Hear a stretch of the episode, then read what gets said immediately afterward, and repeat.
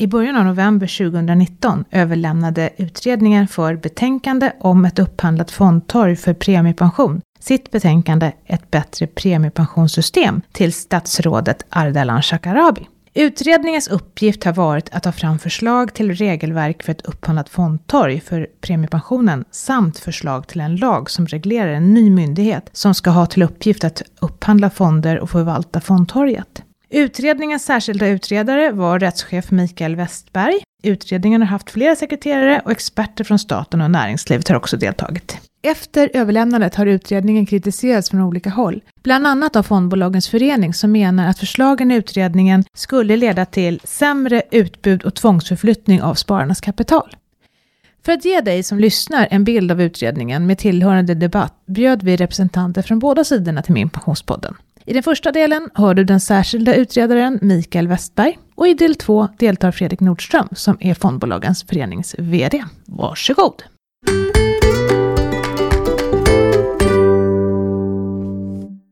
Välkommen till oss Mikael Westberg, som nu har överlämnat betänkandet Ett upphandlat torg för premiepension till regeringen. Vi börjar med en sportfråga tror jag. Hur känns det? Det känns bra. Ja, det känns skönt att vara klar.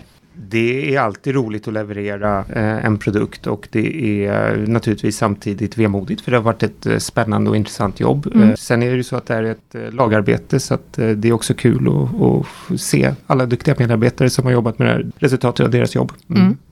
Det, det är en ganska tjock bok. Det är en omfattande bok. Ja, många sidor blev det. eh, Det blev 862 sidor tror jag. Ja. Um, och det är ganska mycket. Ja. Eh, det finns eh, olika tekniska förklaringar till att det blir det. Men det finns också, tycker jag, ett behov av att faktiskt göra en ordentlig genomgång och eh, belysa ett antal problem och sen faktiskt också beskriva i detalj hur man tänker att de ska kunna lösas. Mm. Varför var det du som fick den här utredningen tror du? Det har jag inte en aning om. Det får man Mm. fråga eh, uppdragsgivaren som i det här fallet var Annika Strandhäll som Mm. då var socialförsäkringsminister. Men eh, vad gör du till vardags då? Du jobb- jobbar du med pensionsfrågor och fonder och så, eller vad, vad gör du? Jag har en bakgrund i den eh, världen. Jag var eh, vid tidpunkten för mitt eh, förordnande som utredare chefsjurist på Pensionsmyndigheten och har jobbat där i ett antal år i olika roller och nu är jag rättschef på Försäkringskassan. Så jag har jobbat länge inom socialförsäkringen. Mm. Men har inte premiepensionerna redan bantats ner alldeles nyligen? Nu ska man komma ihåg att premiepensionen är ju mycket mer än bara fonder. Premiepensionen är en del av svenska pensionssystemet och det är en socialförsäkring, en, en, ska vara en pensionsförsäkring vid ålderdom. Och ett sätt att spara till den pensionsförsäkringen har ju varit att Eh, välja fonder på ett fondtorg som staten har tillhandahållit. Samtidigt så ligger väldigt många sparare med sitt kapital i det statliga förvalsalternativet SOFA. Det har skett en, en eh, översyn av fondtorget eh, under senare år och det var ju resultatet av de allvarliga missförhållanden som började upptäckas 2016. Och då genomförde man ju akuta åtgärder för att komma till rätta med de problemen. Och det förslag jag lämnar nu, det handlar ju dels om att fortsätta att öka tryggheten men också om att ta tag i en del strukturella problem som inte har hanterats genom det här första steget som genomförs just nu. Ja, vi får väl ta det py om py. Om vi har ett exempel. Om vi nu tänker sig att jag har några fonder på fondtorget idag. Jag har gjort lite val och sånt. Hur kommer jag att påverkas och när? Liksom, vad händer nu?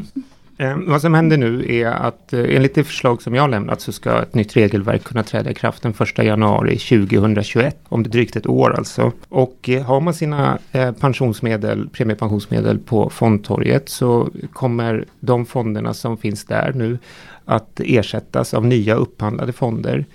Eh, det kan vara så att den fond som just du har valt kommer finnas kvar även efter upphandlingen och då påverkas du inte eh, alls av den här förändringen. Och är det så att, att eh, fonden inte finns kvar efter upphandlingen, ja då kommer du få chans att välja en ny fond på ett kvalitetssäkrat och bättre fondtorg. Jag får brev hem i brevlådan eller någonting som talar om för mig att du, du duger inte min fond längre utan nu får jag byta till något annat.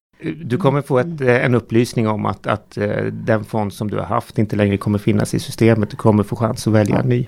Och det här kommer att inträda från, eller kommer det ske successivt gradvis förändring eller liksom hur går det till? Den här förändringen ska ju ske successivt och gradvis därför att eh, den nya myndigheten som jag har föreslagit ska ju upphandla ett bra fondtorg. Eh, ett ännu bättre fondtorg än det vi har idag. Och då kommer man göra det stegvis eh, och eh, spararna kommer då få chansen att, att ta ställning till sina fondval successivt också. Okej, så att jag, om jag har fonder redan, då får jag liksom veta. Och Du har någonstans sagt 100-150 fonder från dagens 500. Vilka fonder, har du någon susning om vilka, vilka som försvinner? Nej, det har jag inte. Det är den nya myndigheten som ska göra en upphandling. Och man ska komma ihåg att vilka fonder som kommer finnas på det här fondtorget kommer ju styras av spararnas efterfrågan på fonder, eh, vad som efterfrågas, vilken inriktning på fonder som, som man vill ha. Och det kommer styras av det utbud som finns kommer jag som sparare, alltså kan jag, du säger att det ska styras av efterfrågan, kan jag alltså driva någon slags tid? Jag vill ha de här fonderna och så får jag dem, eller hur menar du där? Ja, de alltså, flesta väljer AP7 Sofa, då blir det ju ingen efterfrågan. Nej, och mm. det är ju utgångspunkten. Det ska vara lätt uh, att göra rätt i det här systemet. Och de allra flesta uh, väljer ju inte fonder och det är det som är den generella slutsatsen från beteendeekonomin och den forskningen som finns på det och också erfarenheterna från premiepensionssystemet hittills. Mm. Att utan kraftfulla marknadsföringsåtgärder, ja, då hamnar de flesta i förvalet och det ska vara en alldeles utmärkt pensionsförsäkring för de allra flesta. Men vill man inte vara i förvalet, och det finns ju faktiskt de som inte vill det, ja, då ska man också kunna erbjudas ett eh, utmärkt fondtorg med fonder av hög kvalitet. Och eh, vilka fonder som kommer finnas där, ja det kommer ju styras av eh, utbud och efterfrågan. Och finns det en hög efterfrågan till exempel på fonder med inriktning på att investera i Sverige, ja då kommer det finnas ett ordentligt utbud av sådana fonder så att alla sparare som vill ha det kan välja det. Och det kan ju ändras över tiden, efterfrågan. Ibland vill man ju ha räntefonder också när man tycker att livet är osäkert. Då kommer det att komma sådana då, eller? Ja, det, det, är det jag menar ligger i, eh, bland annat i att staten måste ta ett tydligare ansvar för systemet och säkerställa att fondtorget är anpassat. Dels utifrån vad som är lämpligt för målet för premiepensionssystemet, nämligen att skapa god avkastning för spararna. Och också ta hänsyn till spararnas önskemål, för det är ju det som eh, slutligen måste anses vara reell valfrihet. Men mina ungar som har kommit in i yrkeslivet och så här, de har fått eh, orange kuvert hem då, eller digitalt eller vad det är för någonting. Men, men de har inte fått någon som helst information om att någonting som överhuvudtaget heter premiepension. Eh, är, det, är det så det ska vara? Utgångspunkten ska ju vara att man inte behöver välja. Är man intresserad och har tillräckliga kunskaper, eh, anser sig ha tillräckliga kunskaper för att välja, ja, då ska det finnas möjlighet att välja fonder på fondtorget och det ska finnas bra stöd och bra vägledning och bra information för de personerna. Men för de allra flesta så finns det inte anledning att eh, göra några egna val, utan en del i att premiepensionen är en del av socialförsäkringen är att förvalet måste vara en bra pensionsprodukt och ge en god premiepension för de som varken kan, vill eller av något annat skäl inte väljer fonder. Så att till mina barn hör ni inte av er då? Det liksom händer ingenting utan är det så att de inte vet att premiepensionen finns då ligger de i AP7-soffan? Ja, alla nya eh, ja. sparare som får pensionsrätter får ju information om att man får pensionsrätter. Ja. Och det finns ju också möjlighet att, att ta del av, av information på Pensionsmyndighetens hemsida. Detaljerna i hur, hur eh, kommunikationen med pensionsspararna ska ske ska ju ligga på Pensionsmyndigheten. Mm. Eh, den politiska överenskommelsen är tydlig att det ska inte krävas aktivitet för att få en bra pension. Sen finns det ju en möjlighet att välja fonder och den är ju ganska många människor ändå medvetna om för det är ändå många, en, ett antal personer som varje år väljer fonder på fondtorget. Men att ha några kraftiga marknadsföringsåtgärder för att uppmana folk att välja. Det är inte en framkomlig väg. Vet man ungefär procentmässigt så här, hur många är det som ligger kvar i AP7? Har ni någon siffra på det? Eller har du någon siffra på det? Alltså, eh, av nysparare så är det ju Eh, i princip eh, ja, närmare 99 procent som eh, ligger kvar i AP7 Sofa. Men det beror ju möjligen också till stor del på att, att de har ett litet kapital och man tycker att pensionen ligger långt fram. Det finns ju siffror som tyder på att aktiviteterna ökar ju större kapitalet blir. Det ser vi på min pension också, att mm. intresset ökar med åldern. Det är ju inte konstigt. Det är inte konstigt. Nej. Men eh, sen då, då kommer jag in och så tittar jag på, jag kanske går in på min pension och ser att jag har pension och så, har jag, och så börjar jag intressera mig för de här fonderna. Hur går jag vidare då? Hur liksom gör jag rent praktiskt? Ja, men mm. Eh, en viktig utgångspunkt i, i mitt förslag är ju att förenkla för pensionsspararna. Eh, och det handlar bland annat om att jag menar att man behöver göra en tydligare och bättre valarkitektur. Det vill säga möte sättet i det gräns, alltså webbgränssnitt som, som man upplever på Pensionsmyndighetens hemsida. Och där handlar det ju om att det skapar tydlighet och ge god information. Och utgångspunkten för den här valarkitekturen som jag har föreslagit är ju ändå att de allra flesta bör vara kvar i eh, förvalet. Och är det så att man inte vill vara det, ja då ska det finnas en möjlighet att gå vidare i den här valarkitekturen och det första steget som är förmodligen det mest eh, finansiellt rationella beslutet att ta ställning till, det handlar ju om att höja eller sänka risken i förhållande till förvalet. Så jag föreslår att det ska vara den första ställningstagandet man får, får framför sig. Som... Man får genomgå en slags test, alltså vem är du och vad vill du ha? Är det, är det så? Ja, man ska få hjälp att bedöma sin mm. egen riskpreferens, för det är ju det som avgör eh, hur man bör göra med sina pensionsmedel. Det handlar ju om att se över sin totala balansräkning. Mm. Och redan där så inser man ju att det här är en ganska svår övning för väldigt många människor. Eh, man saknar förmodligen ofta både kunskap och intresse för den ganska djupa analys som krävs för att göra det. Och det är ju också skälet till att förvalet ska vara en bra sparprodukt som ska fungera för de allra flesta. En sak till som jag mm. tänkte på. Ofta när vi är ute och, och, hjälper människor att se sin pension på min pension och göra prognoser och så, så då loggar man ju in på individens konto för att hjälpa dem. Och då ser man ju ofta att liksom, de har alla sina premiepensionsfonder liggande i en och samma bank till exempel. Då förstår man att banken har varit där och, och hjälpt till. Kommer man undan det med det här nya systemet? Alltså hur säker är man på att individens val egentligen? Eller är det så att de får hjälp på annat håll? Det där är ju en, en, en viktig iakttagelse och också det som, för att återkomma till beteendeekonomins slutsatser. Eh, när man väl har gjort ett val en gång eh, och gått ut på fondtorget och valt fonder, då måste man ha klart för sig att man har ett stort ansvar på sig själv som pensionssparare och underhålla det valet och välja om och säkerställa att det fortfarande är rationellt. Vi har ju sett eh, att många fonder på eh, fondtorget inte har valts utan att de har sålts till pensionsspararna. Och eh, det behöver inte vara dåliga fonder för det. Men det har ju inte varit det egna valet i de fallen som har styrt. Och det innebär också att man får ta ansvar för en, ett val som man kanske inte har fullständig koll på konsekvenserna av. Och det är just därför jag menar att den här valarkitekturen eh, måste ge tydlig information om vad det innebär att välja och om behovet av att kontinuerligt underhålla de val man har gjort när man väl har gått ut på fondtorget. Förvalsprodukten ska ju vara konstruerad så att den ska man kunna ha under hela spartiden. Så att är det så att man inte väljer, ja då ska man finnas kvar där. Mm. Det känns som att du vill ha en tydligare bodelning då mellan de som inte väljer alls och sen om de där som så att säga vågar välja. Är det, är det så? Man får liksom ta, vad är verkligen på egen risk då? Ja. Vilken risk är det man tar då? Ja, men man tar ju risken mm. för att man, eh, man behöver underhålla valen och se över att de fort, fortlöpande stämmer. Det är ett väldigt långsiktigt sparande det här. Det val man gör eh, när man är 20 ska sen passa när man också är 30 och 40, 50 och 60. Och det behöver man fortlöpande justera. Därför att det är ju så att när man är tidigt i eh, arbetslivet, ja då finns det för de allra flesta anledning att ta ganska stor risk. Det vill säga att eh, det kan bo, gå både upp och ner i, i, kapitalet utan att det gör någonting. Därför att i slutändan kommer det i förväntan kanske generera eh, bra avkastning. Men när man närmar sig pensionsåldern då kan det finnas anledning att försöka fundera på, är jag beredd att ta så här stor risk fortfarande? Tänk om det sker en svängning neråt, har jag råd med det? Mm. Och det där behöver man vara medveten om när man ger sig ut och börjar välja fonder själv. Men, men hur blir det då, då? För att jag menar idag är det ju ganska många som både har AP7 SOFA som en slags grund och sen fyller man på med lite egna fonder. Blir det inte möjligt att göra så i framtiden då? Jag föreslår ju som huvudregel att man inte ska kunna kombinera förvalet med fonder på fondtorget. För poängen med förvalet är ju att det ska vara en bra eh, statlig pensionsprodukt. Och att vill man inte ha den så ska det finnas ett rikt och varierat fondutbud på fondtorget som gör att man kan sätta ihop en effektiv och bra pensionssparportfölj eh, utifrån sin egen kunskap och vilja att göra det.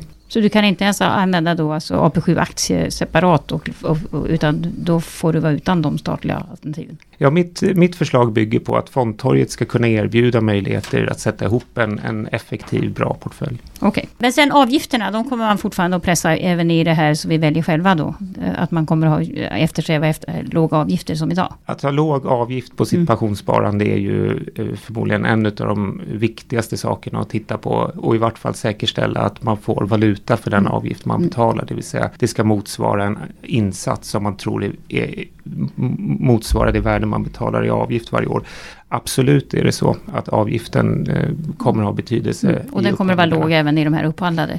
Det är absolut ja. Eh, syftet att det ska vara både hög kvalitet och låg avgift. Sen har ni ju tagit intryck av då hur tjänstepensionsavtalen ser ut. Alltså där man upphandlar först och sen så, så har man det att välja på som sparare. Men där, tjänstepensionsavtalen, där upphandlar man ju så att säga hela paketet. En slags service från det här bolaget som hanterar de här fonderna eller traditionella försäkringen.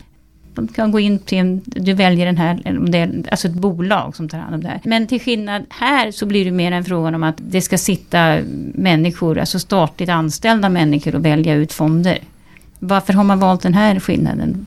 Den viktigaste lärdomen för utredningen eh, från tjänstepensionen är ju den omständigheten att premiepensionssystemet med öppen anslutning är unikt. Inget annat fondtorg som vi har tittat på, försäkringsgivare, släpper in alla fonder som uppfyller vissa formella krav, utan alla gör ett urval av fonder och syftet med det urvalet är ju att försöka ut, välja ut de fonder som i förväntan kommer generera bäst avkastning. Och då menar jag att det vore oansvarigt av staten att inte ta samma ansvar mm. gentemot sina försäkrade. Mm. Och då blir det också så att vi kommer att ha en större variation av till exempel utländska förvaltare och sånt. För det finns ju inte i tjänstepensionerna. Det är ju bara svenska aktörer där. Men vi kan se mm. utländska förvaltare i, i premiepensioner i framtiden också. Det kommer vi kunna göra. EU-rätten eh, e eh, ställer krav på oss att, att tillåta eh, andra EU-länders fonder att, att få erbjudas mm. i de här upphandlingarna. Så att det kommer styras av kvalitet och pris. De bästa fonderna till bäst pris ska väljas ut. Idag finns det ju, vad jag räknar till, 30 olika fondtyper i premiepensionen och det kommer vi klara även med, med 100 fonder. Ja, alltså, jag har inte tagit ställning till exakt antal Nej, fonder på fond, fondtorget och ja. det har inte varit mitt uppdrag utan Nej. det ska ju avgöras av den nya myndigheten. Och när det gäller kategorierna på fondtorget, ja då kan man titta på hur det ser ut inom premiepensionen idag. Jag tycker man bör titta på försäkringsgivarna inom tjänstepensionen, andra fondtorg, hur de gör kategoriindelningen och verkligen göra en kategoriindelning fördelning som motsvarar spararnas intresse för fonderna. Det är det som ska styra vad spararna efterfrågar. Så kategorier kan försvinna med andra ord? Ja, om det inte finns någon efterfrågan kring dem ska man inte lägga ner tid och resurser på att eh, upphandla dem. Fast efterfrågan kan väl möjligen variera över tid tänkte jag. Ja, och, och, och jag menar ju att det här är en central mm. del för staten att säkerställa en förvaltning och utveckling av valarkitekturen och där är ju kategorierna en del. Så att man hela tiden anpassar den utifrån spararnas beteenden, spararnas intresse och de kunskaper man får av den beteendevetenskapliga forskningen. Så att det ska absolut variera över tiden. Idag har vi ett, i någon mening ett statiskt fondtorg. Det mm. blir ju vad det blir. De som vill vara med, de är med. Det är ju inte så att vi ställer krav och eh, försöker bygga eh, ett fondtorg och det är det vi kommer göra med det förslag jag har lämnat. Att försöka sätta samman ett riktigt, riktigt bra fondtorg. Men då måste man ju veta i förväg vad folk kommer att efterfråga om tio år. Varför måste man det? Du menar man sätter upp ett finger i luften och om tre månader kommer folk att vilja ha internationella räntefonder så nu satsar vi på det. Går det? Ja men nu är det här pensionssparande. Mm. Det är ju ett livslångt sparande och det ska mm. vara långsiktigt. Mm. Eh, det är naturligtvis så att man inte sätter upp ett finger i luften utan det ska ju baseras på bästa branschstandard. Det ska baseras på forskning och det ska baseras på djupa undersökningar av vad pensionsspararna vill. Att ändra över natten kanske inte kommer vara aktuellt men att ändå fortlöpande se över det på ett helt annat sätt än vad man gör i dagsläget. Mm. Det tycker jag bör man ställa som krav som pensionssparare på en försäkringsgivare. Men jag kan fortfarande byta fonder varje dag? Ja, det förslag som jag har lämnat bygger på att på fondtorget ska det finnas likviditet motsvarande det som gäller idag. Och då kan man ju byta Kanske inte riktigt samma dag eftersom fondhandeln kan dra ut en vecka eh, med de, det regelverk som finns idag. Men det ska gå att byta fonder på samma sätt som idag i samma mm, liksom, frekvens. Men det blir ju ganska stora fonder kan man tänka sig för att vi har ju fortfarande mer pengar som kommer in till premiepensionssystemet. Eh, jag tänker en svensk småbolagsfond, kan den klara av det här? Ja, det kan den göra givet de begränsningar den har och är intresset stort, ja då får man ju upphandla fler småbolagsfonder. Precis som idag så finns det ju fler som kan hantera efterfrågan. Så det är ju den nya myndighetens uppgift att göra kloka upphandlingar och göra det på ett bra sätt så att man hanterar vad pensionsspararna vill. Mm. Men om jag som, som fondförvaltare då har en fond och så kommer jag in i systemet. Då har jag egentligen, vet jag inte längre jag kommer att vara där. Jag kan egentligen bli utslängd nästa vecka. Det här ska ju inte vara laglöst. Utan Nej. det här ska ju ske enligt ett eh, noggrant eh, upphandlingsregelverk. Och det ska ske eh, med pensionsspararnas bästa för ögonen. Och när man har gjort en sån här upphandling ska det ju fortfarande finnas ett avtal mellan staten och mm. fondbolaget. Och det föreslår jag ju ska kunna vara som längst 12 år. Och det är en mm. ganska lång mm. horisont. Ja, det är lång tid.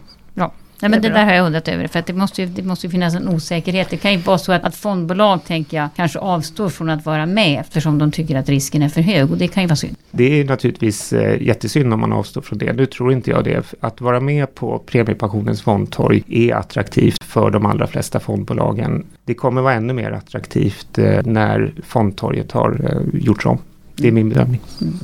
När du tänker valmöjlighet Alltså valmöjlighet kan ju vara två fonder också. Det är ju fortfarande en valmöjlighet. Ser du liksom någon slags nedre gräns för när, när det inte är valmöjlighet längre? Hur kan man resonera där? Du har naturligtvis rätt i att, att vad som är valfrihet är ju en subjektiv bedömning och det mm. beror ju i stor utsträckning på betraktarens värderingar och kanske ideologiska övertygelse. Det får man ha full respekt för. Men däremot så finns det ju inom den finansiella teorin ändå vissa idéer om vad valfrihet är och där skulle man kunna säga att höja och sänka risk är den första relevanta valfriheten, det vill säga öka andelen aktier eller minska andelen aktier skulle vara en. Men sen så är det ju så att många uppskattar att kunna välja fonder av ett visst märke till exempel och inom vissa kategorier och branscher. det är därför jag föreslår att den möjligheten ska finnas kvar och det har ju varit ett väldigt tydlig del av mitt uppdrag också mm. att den möjligheten ska finnas kvar. Att gå ner på två fonder i min bedömning är det förslag som jag har lämnat. Det motsvarar inte kraven på reell valfrihet och för att faktiskt säkerställa att det blir valfrihet så föreslår jag att den ska komma till väsentligt mycket tydligare uttryck i den lagstiftning som jag menar bör införas än vad den gör idag. Och när man sen ska mäta valfriheten så tycker jag att det relevanta är att, att försöka tillgodose önskemålen och behoven hos de allra flesta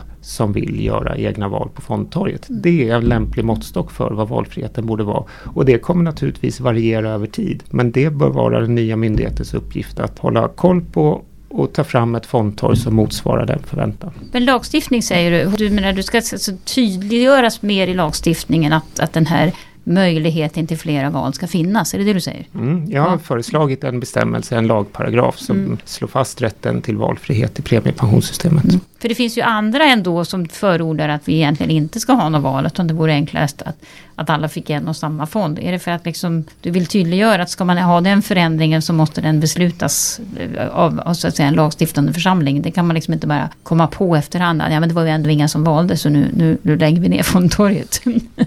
Alltså det här uppdraget som jag har fått det är ju en följd av den pensionsöverenskommelse som träffades i december 2017 och den är ju träffad mellan ett antal eh, partier i Sveriges riksdag och den går ju över blockgränserna och det är klart att det här är följden av en politisk kompromiss. Jag har inte eh, haft i uppdrag att titta på ett system med bara en fond mm. eller eh, ett system med anslutning av fonder utan uppdraget har varit tydligt. Det ska vara ett upphandlat fondtorg och det ska vara så att förvalet är utgångspunkten för att göra det lätt för de flesta, eh, eh, lätt att göra rätt och eh, det ska samtidigt finnas en reell valfrihet.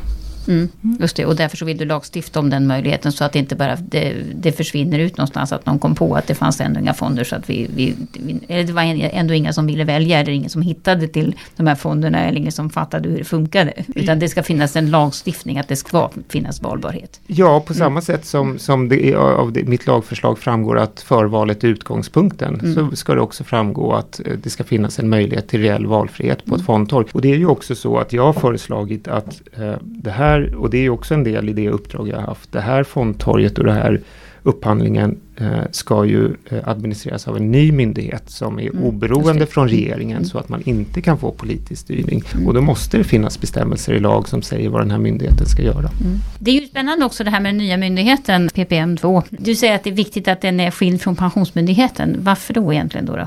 Det är ju det skälet som, som framförs i, i, framgår av direktiven och pensionsöverenskommelsen att eh, det ska inte kunna vara någon eh, politisk styrning av vilka fonder som finns på fondtorget utan det här ska göras på objektiva grunder och enligt ett, ett transparent eh, regelverk. Eh, och därför mm. så ska det inte ligga hos Pensionsmyndigheten och det har ju varit en förutsättning för mitt direktiv. Skulle det ha varit en risk för politisk styrning om det fanns hos Pensionsmyndigheten? Det är den bedömning som man har gjort i direktiven. Oh. Och det kopplar ju till hur den svenska styrmodellen ser ut med mm. myndigheter under regeringen. Ja, ja, okay. ja, så ska det ju vara och det är ja. vår, så ja. bygger vår regeringsform på. Regeringen styr landet genom sina myndigheter. Jag förstår. Jag det är inga ja. konstigheter. Yes. Eh, Okej, okay. och den här myndigheten den ska då ligga hos AP7.